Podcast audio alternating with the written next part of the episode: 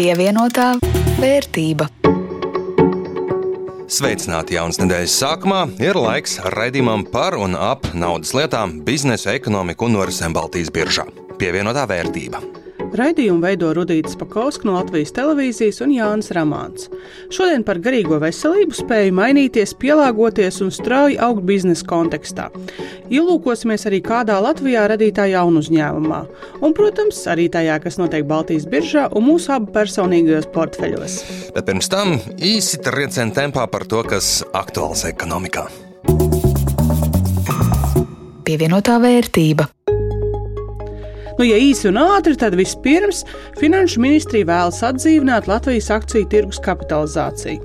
Šobrīd tas ir apkaunojoši zems - 3% no iekšzemes koprodukta, un plāns ir to celt līdz 9%. Kā to reāli izdarīt? Kotēt biržā Latvijas valstī un pašvaldībai piedarošo uzņēmumu akciju daļas. Tur vairāk ieguvumi, gan atdzīvojas kapitāla tirgus, gan uzņēmumi kļūst atklātāki un caurspīdīgāki, gan pensiju fondiem ir kur ieguldīt Latvijā, gan vienkārši investoriem vairāk iespēju ieguldīt. Nu, lai kā mēs ar tevi to nevēlētos, atmetīsim cerības, ka tas viss notiks ātri un viegli. Kurus uzņēmumus sūtīt uz biržu un kā pārliecināt tos, kam biržā rādās slēptā privatizācija, uz to visu būs jāmeklē atbildes. Bet, ja par Latvijas ekonomiku, tad divi rādītāji. Eiropas komisija Latvijai šogad plāno 1,4% izaugsmi un bezdarba aprīlī 5,8%. Tātad izaugsme labāka nekā likās februārī, bet par bezdarbu runājot, tas gan sarūk, bet uzņēmēji saka, tas nav tādēļ, ka visi ir atraduši darbiniekus. Kas strādā, it īpaši kvalificētu darbinieku, trūkst joprojām. Un pēdējais. Aizītā nedēļas nogale ļoti tīkama bija tiem, kam elektrība tiek piegādāta par biržas cenām. Vairākas stundas elektrība bija par velti, par brīvu, un no tā daži secinājumi prieki elektroautorāta īpašniekiem. Jā, bet tā pārdoms tiem, kam elektrībai līguma par fiksētām cenām. Te gan brīdinājums, ka pirms mesties uz biržas cenām, rūpīgi jāpadomā un jāsaprot, ka birža tādēļ jau ir birža, ka šodien cenas var būt nulle, bet parīt situācija mainās un cenas kāpj debesīs. Pārdoms arī tiem, kas plāno saules paneļu uzstādīšanu, vai vispār būs izdevīgi. Par izmaiņām resursu cenās liecina arī vēl kāda sabiedrisko pakalpojumu regulēšanas komisijas apkopotā statistika. Pēc lēciena pagājušo gadu šai apkuras sezonai noslēdzoties, 42% apdzīvoto vietu apkuras tarifi samazinājušies, pieauguši 28%. Pievienotā vērtība. Kas ir uzņēmējs, kāda ir motivācija, ko darīt vai nedarīt? Vai par uzņēmēju piedzimst, vai arī par tādu kļūst. Attīstīt, vadīt biznesu, vai to var jebkurš, ko tas prasa no cilvēka, sava radītāja, idejas autora, kā augt līdz biznesam un kurā brīdī biznesa pāraugt tā radītāja. Vai saglabājot veselo saprātu, cilvēks spēja augt tikpat strauji kā bizness, vai arī biznesa veiksmes griezti ir tieši proporcionāli tā vadītāja izaugsmes grieztiem. Jā, tādi ļoti ietilpīgi, apcerīgi, filozofiski jautājumi. Uz tiem atbildes meklē neviens viena, un ir arī cilvēki, kas palīdz tās atrast ne tikai sev, bet arī citiem. Tostarp mainīties līdz savam biznesam, personīgās izaugsmes. Mentors un Baltijas jaunu uzņēmumu vidē pazīstamais Ansis Farhats Lipenītis ir viens no tiem. Pats ar pieredzi veiksmīgu un ne tik veiksmīgu jaunu uzņēmumu dibināšanā tagad ir līdzdibinātājs izaugsmes stadijā esošu jaunu uzņēmumu atbalsta programmai Kakūna. Palīdz pār pārvarēt un tikt galā ar bailēm augt. Tā lakoniski programma raksturo Lipenītis. Mēs strādājam ar psiholoģijas un zemapziņas sevis iepazīšanas metodēm, palīdzam šiem klientiem saprast, kā tās eh, problēmas vai situācijas, kas viņiem biznesā rodas, ir nāk no viņu pašu būtības. Un kā nevis biznesa līmenī kaut ko pamainīt, bet pamainīt sevi tā, lai biznesa līmenī tās situācijas mainās pašas no sevis pēc tam. Tad, kad viņi no tādas mazas komandas un mazas idejas, kad viņiem ir strauji jāizaug lielākiem un jāaptver iespējams tās daudz lielāks lauks, ja? tad tā, tas ir tas brīdis. Jā, tas ir tas brīdis, kad sāk algot jau ne tikai darītājus, piemēram, papildus programmētājus vai, vai marketeri, bet sāk algot jau vadītājus, lai vadītu šos cilvēkus. Jo tad, kad parādās šī algotie vadītāji uzņēmumā, tad sākotnējiem uzņēmuma dibinātājiem ir jāsāk diezgan stipri mainīt savu pieeju un attieksmi, kā viņi vada vada uzņēmumu. Tas ir tas brīdis, kur parasti arī sāk parādīties mūsu visu, visiem cilvēkiem klātesošie cilvēciskie ierobežojumi, kuri ļoti lielā mērā nāk no dažādu veidu bailēm. Cilvēkiem ir grūti saprast, ka daudzas lietas, ko mēs darām, īstenībā nāk no bailēm. Piemēram, tipiska vadītāja problēma mikromanagements, kas varbūt neizpaužas tikai tur darīt šitā veidā. Bet, piemēram, kā mana seja mainās, kad es dzirdu kaut ko nepatīkamu un kā citi uz to reaģē, pat tādās niansēs, tas taču nāk no kontroles un kontrole nāk no bailēm no nezināmā vai arī no bailēm no bezpalīdzības sajūtas daudzi jaunu uzņēmumu, ar kuriem es esmu runājis, un kad viņiem prasu, ko jūs ieteiktu citiem, tad viņi vienmēr saka, nebaidieties uh, sākt, ja, bet pirms tam viņš ir izstāstījis visu to savu grūto ceļu, pa vidu, kas ir bijis veiksmes un, un, un neveiksmes, kas tā kā vienlaikus šķiet, ne, nu, kāpēc. Nu, skaidrs, ka tur kaut kādā brīdī tev būs problēmas, būs kaut kādas uh, grūtības. Kas ir jūs tie, varbūt uh, tās ilūzijas, ar kurām jaunu uzņēmēji sāk, un kas ir tās lietas, kas viņiem ir jāpārvar šajā procesā, lai to savu ideju attīstītu? Nu, Tīri savā tādā personīgajā psiholoģijas ziņā. Varbūt pat ne par sākšanu, bet ir viena populāra ilūzija, ko es ik pa laikam sastopu. Cilvēks nesaprot savu motivāciju īstenībā, kāpēc viņš dara to, ko viņš dara. Un ar šo es domāju situāciju, kas ir piemēram. Mēs uh, būvējam nu, to, ko sauc par angļuiski unicorn. Mums mērķis ir izveidot uzņēmumu ar miljardu uh, valuāciju vai vairāk. Uh, bet nav skaidras atbildes, kāpēc. Un, ka tas ir iekšējais dzinulis to izdarīt. Tas uzreiz ļoti nodefinē to, kāda ir un būs uzņēmuma kultūra un kāda tipa cilvēku šis uzņēmums piesaistīs. Un šis savā ziņā nedaudz tukšais mērķis Viņš arī rada tādu nedaudz, nu, ir risks radīt nedaudz tukšu uzņēmuma kultūru ar laiku. Tādu kultūru, kas ir tendēta uz cilvēku izdedzināšanu. Jo tad tu dzenies pēc ļoti augsta mērķa, kurš īstenībā nav mērķis. Jo, nu, miljardu nevar neapēst, nekādu sasildīt, ar viņu var neko. Ja? Un, un šis ir tāds varbūt moments. Pilnīgi citādāk ir, ja tam dibinātājam ir skaidrs, kāpēc viņš to unikornu statusu grib sasniegt, ka nu, tur ir tālāk kaut kāda loģiskā ķēdīte, kas notiek. Tur gan ir vēl viens cits nedaudz risks, bet tas nav varbūt tik ļoti uzsvērts. Ir, ja cilvēks ir vecuma grupā, kas ir nu, 35 plus, Un, ja ir domāšana tāda, ka es tagad iesākšu startupu ar mērķi, lai dabūtu unikornu statusu, lai ar mērķi, lai es to cik tur miljonus nopelnītu, un tad es sākšu darīt to, ko es īstenībā gribu darīt, tad tas vairs nav tas vecums, kad šādu domāšanu izmantot. Savukārt līdz tam vecumam tas ir pilnīgi normāli, jo līdz apmēram 3, 3, 3, 5 gadu vecumam cilvēks formē savu profesionālo prasmu tādu kā portfeli, tad tas ir pilnīgi ok. Tad labāk jauniem cilvēkiem sanāk attīstīt jaunu uzņēmumus, nevis tādiem, kuriem ir kaut kāda dzīves pieredze un, un, un, un, un prasmes. Un dažiem jau dažkārt tas ir tikai uz tādiem sapņiem būvēts. Ja? Es esmu izdomājis, ka šādai būtu jābūt pasaulē, un es tagad gribu uzbūvēt to pasauli tādu, kādu es esmu iedomājies, vai vismaz atstāt kaut kādu nospiedumu tajā. Jā, nē, jaunu uzņēmumu var veidot arī 50 un 60 gados, un statistiski veiksmīgākie ir tie, kurus dibina cilvēki 40 eh, un plus gadu vecumā. Mana tēze ir par to, ka pārsniedzot šo nosacīto 35, 40 gadu robežu, jaunu uzņēmumu, ja, ja dibināt, tad dibināt jau tādu, ka tas arī ir tas, ko es gribu darīt. Ka nevis es viņu veidoju kā rīku, lai kaut ko varētu kā, iegūt resursus, bet uzreiz darīt to, ko tu gribi darīt. No jūsu puses, ko jūs redzat, kas ir tās lietas tiem klientiem, kas pie jums atnāk un kuriem jūs palīdzat? Kas ir tie varbūt tipiskākie klupšanas akmeņi, vai varbūt tieši otrādi tās veiksmes atslēgas domāšanā? Viens tāds ieteikums uzņēmumam agrīnā fāzē ir vieglāk ielikt pamatus labai uzņēmuma kultūrai un tādai kopīgam vektoram. Ir vērts tā līdz kaulam paskatīties un saprast, ko nozīmē vērtības un kāda ir vērtība nozīme uzņēmumā. Kā, kā patiesībā vajadzētu nonākt pie skaidrām, trīs, četrām vērtībām uzņēmumam. Otrs, saprast, kas ir misija, bet nevis tā kā to biznesa grāmatās raksta, bet nu, tā vienkārši pēc būtības, kāpēc mēs eksistējam kā uzņēmums, papildus naudas pelnīšanai. Ja? Un uh, trešais ir vīzija, uz ko mēs ejam.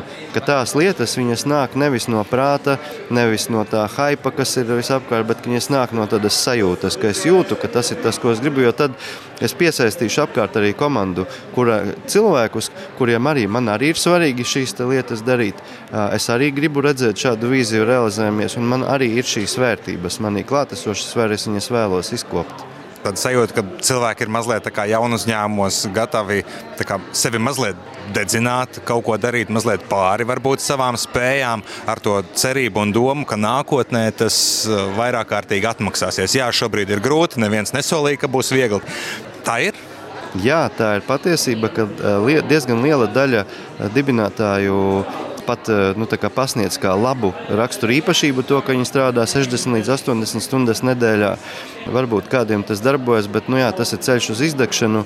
Un, uh, izdegšana gan nenāk tikai no daudz stundām, tur vairāk ir citi faktori, kad cilvēki izdeg, tad ja viņam arī eh, ir, ir tikai šī materiālā stāsta puse, tad nav tā nu, sajūtu ziņā. Jābūt tai idejai apakšā, daļa kā, un tā nevar būt tikai un vienīgi. Es gribu kļūt bagāts. vai es gribu kļūt slavens, vai es gribu tur, jā, tieši tā. Bet uh, ieteikums ir tomēr uh, saprast to, ka tu skrieni maratonu un ļoti garu maratonu. Par ko ir stāsts? Ja es strādāju 60 stundas, tas nozīmē, ka īstenībā es nestrādāju gudri.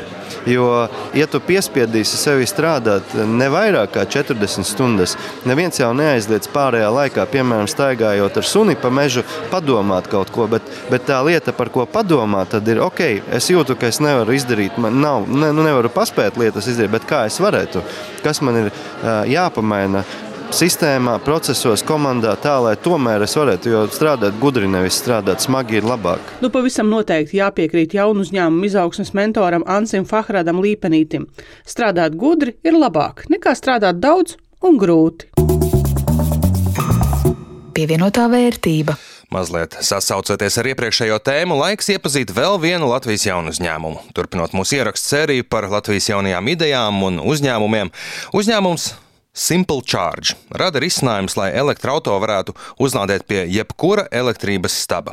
Man radās iespējas, ka tur tiek strādāts gudri, ilgspējīgi, bet vienlaikus arī smagi un paciešot pārvarot visas tās grūtības, kuras raksturīgas jaunu uzņēmēju videi. Kas viņi ir, ko dara un kā viņiem iet, lai stāsta paši. Mani sauc Arts Markots. Es esmu viens no Simple Charge dibinātājiem. Un eh, mēs izstrādājam risinājumu elektroautorāta uzlādēji no iela apgaismojuma laternām. Ideja materializējās, varētu teikt, eh, Vefreša organizētā hackathonā. Tad mēs tur senācijā novācāmies komandu, pilnīgi nepazīstami cilvēki.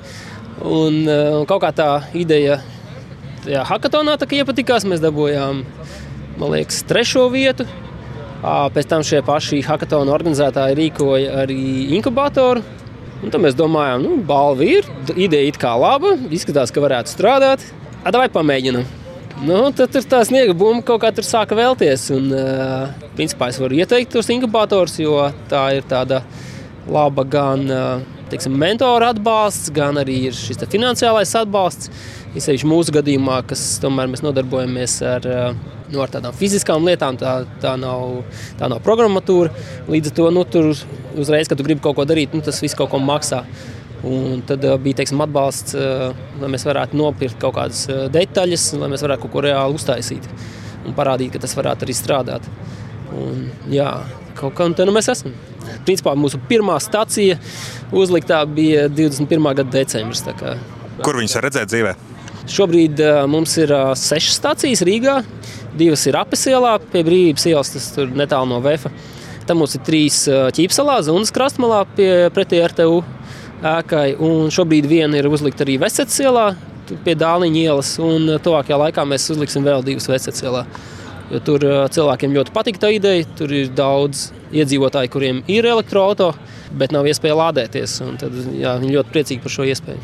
Cik jūs tālu šobrīd esat ticis kā jaunu uzņēmums un kas ir tie nākotnes plāni? Vai jūs redzat, ka jūs varat izaugt par vienradzi? Droši vien jau, ka visi, kas sāk, viņi, tad, tad, tas sapnis ir, ka mēs tiksim līdz vienradžu statusam.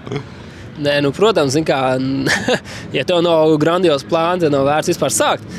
Bet, um, Nu, jā, plāns, plāns noteikti ir augt. Arī šobrīd mēs, mēs esam piesaistījuši Eiropas finansējumu un šogad paplašināsimies Rumānijā, Horvātijā ar 35 stacijām. Šeit jāsaka, diemžēl Latvijas pašvaldības nav bijušas tik pretimnākošas. Kaut arī mēs esam uzrunājuši vairākas. Tā bija jāmet lauciņš mūsu dārziņā. Nu, diemžēl tā nu mēs esam, jā, bet teiksim, jā, tuvākajam laikam attīstība ir skaidra. Šobrīd mēs vēl meklējam piesaistīt finansējumu, lai varētu tālāk attīstīt to savu produktu, samazināt izmaksas un, un, un iet plašāk teiksim, ārvalstu tirgos. Kas Latvijas pašvaldībām nepatīk? Bail vai, vai, vai, vai kas cits? Nu, tas ir ļoti labs jautājums, un, ja godīgi, es nezinu atbildēt. Jo, manuprāt, manuprāt, ideja ir lieliska. Man kā elektroautorāta lietotājiem tas ir pašsaprotami un liekas, ka nu, tas ir tieši tas, kas mums ir vajadzīgs. Nu, jā, tas, tā, tā mūsu pamatīdeja ir maksimāli izmantot to, kas mums jau ir, dot viņai teiksim, nu, to pievienoto vērtību. Jo, ja mēs tā skatāmies nu, tādā pilsētas kontekstā, tas apgaismojuma infrastruktūra nu, principā rada tikai zaudējumus. Viņa ir vajadzīga, bet nu, viņa rada tikai zaudējumus. Bet, eh, manuprāt, teiksim, sevišķi mūsdienu laikmetā, kur ir tik daudz teiksim, šīs te visādas viedās ierīces un viedie risinājumi, kas ir nepieciešami šī pilsētas apgaismojuma infrastruktūra, var būt tāds lielisks mugurkauls dažādu šo moderno vajadzību nodrošināšanai. Tas ir gan elektroautorāta uzlāde, kaut kādas mazās mikromobilitātes risinājumu uzlāde, dažādu sensoru izvietošanai un tā tālāk. Un tā tālāk. Un, un īstenībā jau šī pašvaldība nu, mēs jau arī, mēs, mēs jau tā kā pašvaldība jau mums nenodrošina šos stāvus pa velti, mēs jau viņiem maksājam par viņiem. Līdz ar to, manuprāt, tas ir veids, kā šī pašvaldība no tās esošās infrastruktūras var dot kaut kādu labumu. Kuru, piemēram, var ieguldīt atpakaļ šīs infrastruktūras attīstībā. Ja? Tas ir tāds, manuprāt, tāds ļoti ilgspējīgs risinājums kuru vajag kaut kā vienkārši saredzēt un, un, un, un attīstīt. Teikt, šobrīd mēs meklējam investorus, jo augt var divējādi. Ja? Mums var augt uh, lēnām un pamazītiņām, bet nu, skarbā dzīves realitāte ir tāda, ka, ja tu gribi teiksim, iekrot šos te tirgus un nu, gribi augt liels, tad, eh, nu, tad tev ir jāaug ātri. Un ātri var augt tikai ar, ar resursiem. Tad eh, šie investoru resursi, kas ir nepieciešami, lai mēs varētu augt ātri un, un iegūt šos tirgus un eh, kā, jā, ieņemt nozīmīgu tirgus daļu pievienotā vērtība. Laiks ielūkoties Baltijas biržā. Aizdītā nedēļa - mīnusos. Rīgas indeks leju par pusprocentu, Viļņā gājis vislabāk, tur kritums tikai par 0,3%, bet Tallinā straujākais akciju vērtības kritums - teju mīnus 1% nedēļas laikā. Man arī portfels svārstās līdz tirgumam. Piepirku pāris Enefit Green akcijas klāt, bet kopējā portfeļa vērtība ir par 2 eiro mazāka. Un šobrīd 2020. gadā ieguldītie 300 eiro ir 463 eiro un 61 centa vērti. Nu, šobrīd man vienīgā cerība ir, ka tev gājas vēl sliktāk. Man aizdītā nedēļa, var teikt, tā pa skarbo iesitus pa portfeļa vērtību, te jau 10 eiro mīnusā, un visgaužāk man nodarījis Igaunijas kūpanka akciju vērtības kritums, jo tām dikti liels īpatsvars manā portfelī, un tās lejup nedēļas laikā par vairāk nekā 6%. Godīgi sakot, domāju, ka šonadēļ būsi man priekšā, bet tā teikt, fotofinišs tomēr nē. Man portfeļa vērtība apaļ 464 eiro.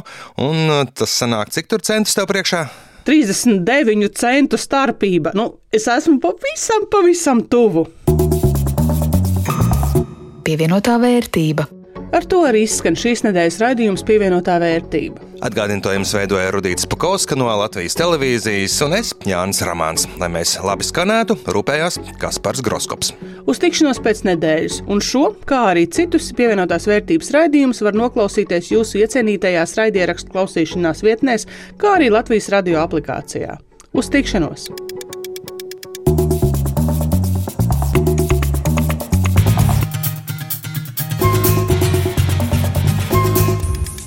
Pievienotā vērtība.